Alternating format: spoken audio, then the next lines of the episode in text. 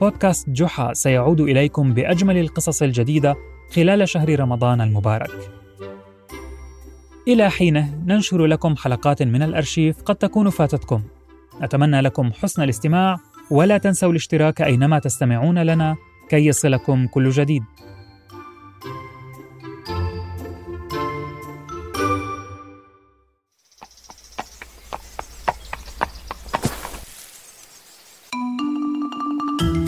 أنا سأحدثكم عن قصص جحا. لا لا تسرحت يا شلهوب. أحتاج لأن أجمع أفكاري. أنا شلهوب. شلهوب حمار جحا. أتعرفون جحا؟ هو حكيم الحمقى وأحمق الحكماء. قصصه لا تخلو من الذكاء والحكمة. وفي بعض الأحيان من الحماقة. فاستمعوا إلي لأروي لكم الحديث المحبوب عن جحا والصندوق. في يوم من الأيام وبينما كان جحا يستريح تحت ظل نخلة بجانب شاطئ البحر وكنت أنا أسترخي وأتناول بضع تمرات وجدتها أسفل النخلة جرفت الأمواج صندوقا خشبيا قديما نحونا. نظرنا إليه أنا وجحا في عجب. ماذا تراه أن يكون؟ هل يكون صندوق الكنز؟ اقترب جحا من الصندوق والتقطه وحزه. فلاحظ أنه خفيف وتبخرت جميع أحلامي بالثراء. فهذا الصندوق لا يحوي نقودا بالتأكيد. فتح جحا الصندوق فوجد قصاصة من الورق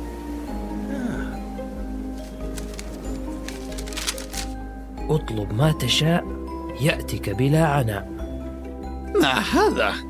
من غريب الأطوار الذي يكتب الأشعار ويلقيها في البحار؟ يبدو أن عدوى الشعر قد أصابتني وأصبحت أنا أيضا شاعرا ما هذا الهراء؟ أتراه يفلح؟ أم... أريد فاكهة. وهنا مر بجحا تاجر يحمل صناديق خشبية على ظهر حماره فوقف قريبا من جحا. السلام عليكم يا أخ. وعليك السلام يا أخ. هل يمكن أن تدلني على طريق السوق من فضلك؟ ودل جحا الرجل على طريق السوق بالتفصيل فشعر بالامتنان لصنيعه. وأخرج من أحد الصناديق ثمرة دراق وقدمها لجحا. شكرا شكرا لك يا سيد جحا. ومضى الرجل تاركا جحا في حيرة من أمره ودهشة لا تصدق. له من أمر عجيب. فلقد تمنى لتوه ثمرة من الفاكهة وها قد جاءته ثمرة دراق. ثم التهم جحا الدراقة بعد أن أعطاني جزءا منها. وعدنا سويا إلى المنزل. وهناك استقبلتنا كريمة بابتسامتها المعهودة. ها قد عدتما. لقد حضرت لك يا جحا حساء الفطر البري. واقتربت كريمة مني وربتت على رأسي. وأنت يا شلهوب أعشابك الطازجة بانتظارك في الحظيرة.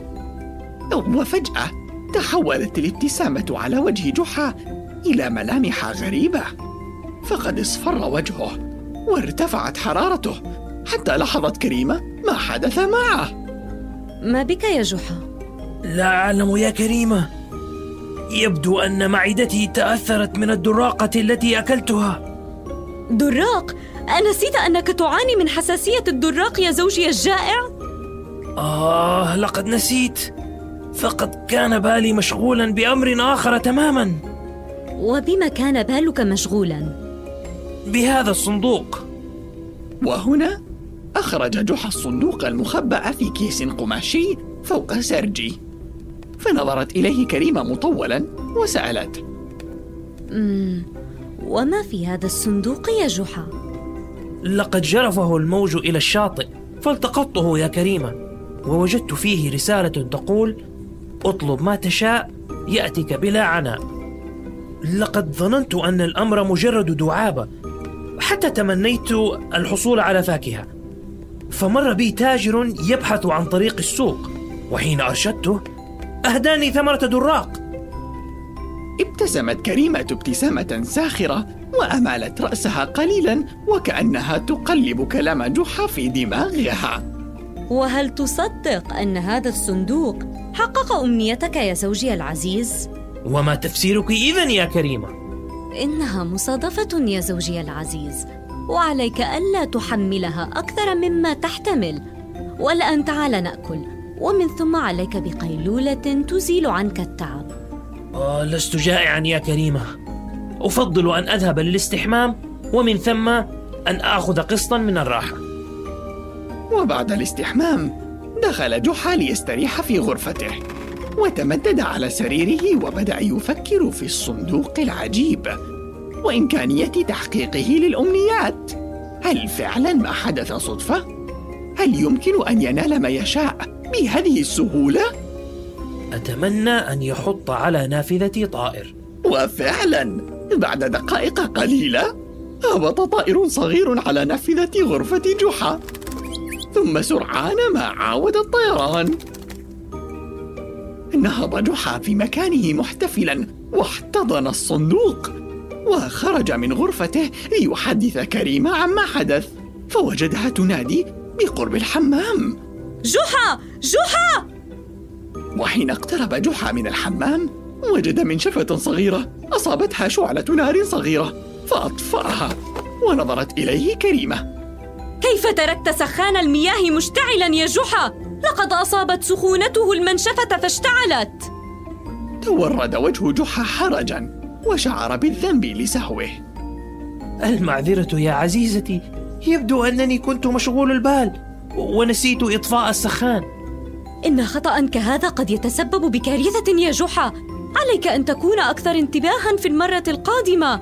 ودع عنك الأوهام.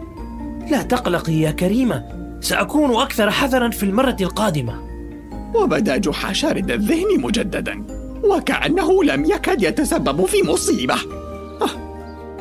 خرج إلى حديقة المنزل وأخذ يفكر في كل ما حدث معه وكيف أن الصندوق قد حقق فعلا أمنيتين من أمانيه فهل يحقق الثالثة؟ وبينما هو يسقي النباتات دق باب المنزل ليقاطع شرود جحا. فهرع ليفتح الباب. فإذا هو التاجر نعمان. مرحبا يا صديقي جحا. أهلا بصديقي العزيز نعمان. افتقدتك اليوم في السوق. فقد وعدتني أن تمر إلى محلي لتتفقد البضائع وترى ما يعجبك منها. تذكر جحا أنه نسي أمر التاجر نعمان تماما وانشغل بالصندوق عن المرور بالسوق. المعذرة يا صديقي لقد انشغلت ببعض الأمور ونسيت موعدنا ما رأيك أن أراها في يوم آخر؟ آه غدا مثلا؟ المعذرة يا جحا فحين لم تأتي في موعدك ظننتك لم تعد مهتما بشراء البضاعة فبعتها لتاجر آخر شعر جحا بالضيق فقد حدث كريم بالأمس عن رغبته في شراء هذه البضاعة وقد ضيعها من بين يديه لانشغاله بالصندوق. وعاد إلى حديقة المنزل الخارجية. وهنا؟ لا ليس مجددا. أتمنى أن أجد شيئا ثمينا. آه يبدو أن جحا أصبح مهووسا بهذا الصندوق. بل إنه لم يفكر أن يتمنى شيئا لي. أوه. لا بأس. دخل أدهم إلى المنزل حاملا كرته الزجاجية. لقد عدت توجه أدهم نحو حديقة المنزل وهناك أراد أن يدفن كراته الزجاجية بالحفرة التي صنعها لها. وبينما هو يفعل ذلك صاح بأعلى صوت. انظروا ماذا وجدت. ماذا وجدت يا أدهم؟ قرط ذهبي داخل حديقة منزلنا. لابد أنه كنز. ربما يكون لوالدتك ليس لوالدتي يا أبي فأنا أعرف أقراط أمي جيداً ازدادت ملامح الحيرة على وجه جحا وأمال رأسه قليلا فهل يفكر فيما أفكر فيه؟ أهذا هو الشيء الثمين الذي تمنى جحا أن يجده؟ ارتسمت علامات السعادة على وجه جحا فهرع إلى غرفته وحمل الصندوق وأخذ يغني. اطلب ما تشاء. يأتك بلا عناء سمعت كريمة صوت جحا وهو سعيد ضروب. فدخلت إلى الغرفة لتتفقده. ماذا دهاك يا جحا؟ يبدو أن الصندوق يحقق الأمنيات يا كريمة. يبدو أن الأمر حقيقي. وكيف يعقل هذا يا جحا؟ كنت أسقي المزروعات في حديقة منزلنا ثم تمنيت أن أجد شيئا ثمينا فوجد أدهم قرطا في الحديقة. آه إنها مصادفات يا جحا. لا تتعامل مع هذه الدعابة على أنها الحقيقة. لقد تكرر الأمر ثلاث مرات يا كريمة. لا يمكن أن يكون صدفة. وفجأة قطع حوارهما صوت سقوط شيء ما في الخارج. فخرجا إلى حديقة المنزل وإذا أدهم على الأرض. ماذا حدث يا أدهم؟ هل أنت بخير؟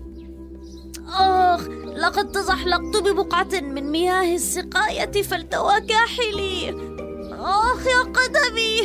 نظرت كريمة إلى جحا نظرة تأنيب. فقد أصبحت تعرف ما الذي شغل جحا عن الانتباه لتسرب المياه عند السقاية. حمل جحا أدهم ووضعه على أريكة في غرفة المعيشة. وهناك وضعت كريمة قطع الثلج على قدمه. ثم دق باب المنزل. فإذا هي الجارة شهناز. مرحبا يا جاري جحا. أهلا بجارتنا شهناز. أخال أن أبني قد رمى بإحدى فردتي قرطي فوق سور حديقتكم. فقد افتقدت واحدة واكتشفت أنه كان يلعب بها. ثم أخرجت شهناز الفردة التي تملكها فاكتشف جحا أنها تطابق تلك التي وجدها أدهم فأعطاها للجارة وعاد إلى غرفة المعيشة حائرا ونظر إلى أدهم وكريم قائلا كيف لكل هذه الأشياء أن تحدث؟ إنها المصادفات يا جحا. لقد تمنيت أشياء عامة. يمكن أن تحدث في أي لحظة وليست مرهونة بهذا الصندوق. ففي مدينتنا مئات تجار الفواكه والعصافير اعتادت أن تحط على شباك غرفتنا. كما أنك تمنيت أن تجد شيئا ثمينا فوجده أدهم. وها قد عادت الجارة لأخذه. فقد رمى ابنها فردة الحلق في حديقتنا وهو يلعب. أرأيت يا جحا؟ إنها مصادفات فحسب. أطرق جحا رأسه وقد شعر بالخجل وقال لقد انشغلت بالأوهام عن الانتباه لما يحدث في الواقع. فكدت أحرق المنزل وضيعت تجارة رابحة وتسببت بالتواء كاحل أدهم دون قصد. لا عليك يا أبي فألم كاحل قد زال. المهم أن تعرف أن هذا الصندوق لا فائدة منه يا زوجي. بل هناك فائدة يا كريمة. فقد قررت أن أخصصه للقمامة فهي الشيء الوحيد الذي يأتي بلا عناء. آه كم تمتعني القصص التي تنتهي بتعلم جحا درسا. فهكذا تعلم الأحمق الحكيم ألا ينشغل عن العمل بالأوهام فلا خيال أهم من المهام. أوه. يبدو أني أصبت بعدوى الشعر مرة أخرى. حسنا سأنهي القصة بمقطع شعري من أحدث دواوين الحميرية تعلم الأحمق الحكيم أن لا ينشغل عن العمل بالأوهام فلا خيال أهم من المهام ولا إنجاز في الحياة يتحقق بالحظ والخزعبلات بل باليقظة وال والماذا؟ كيف سأجد كلمة تتناغم مع خزعبلات؟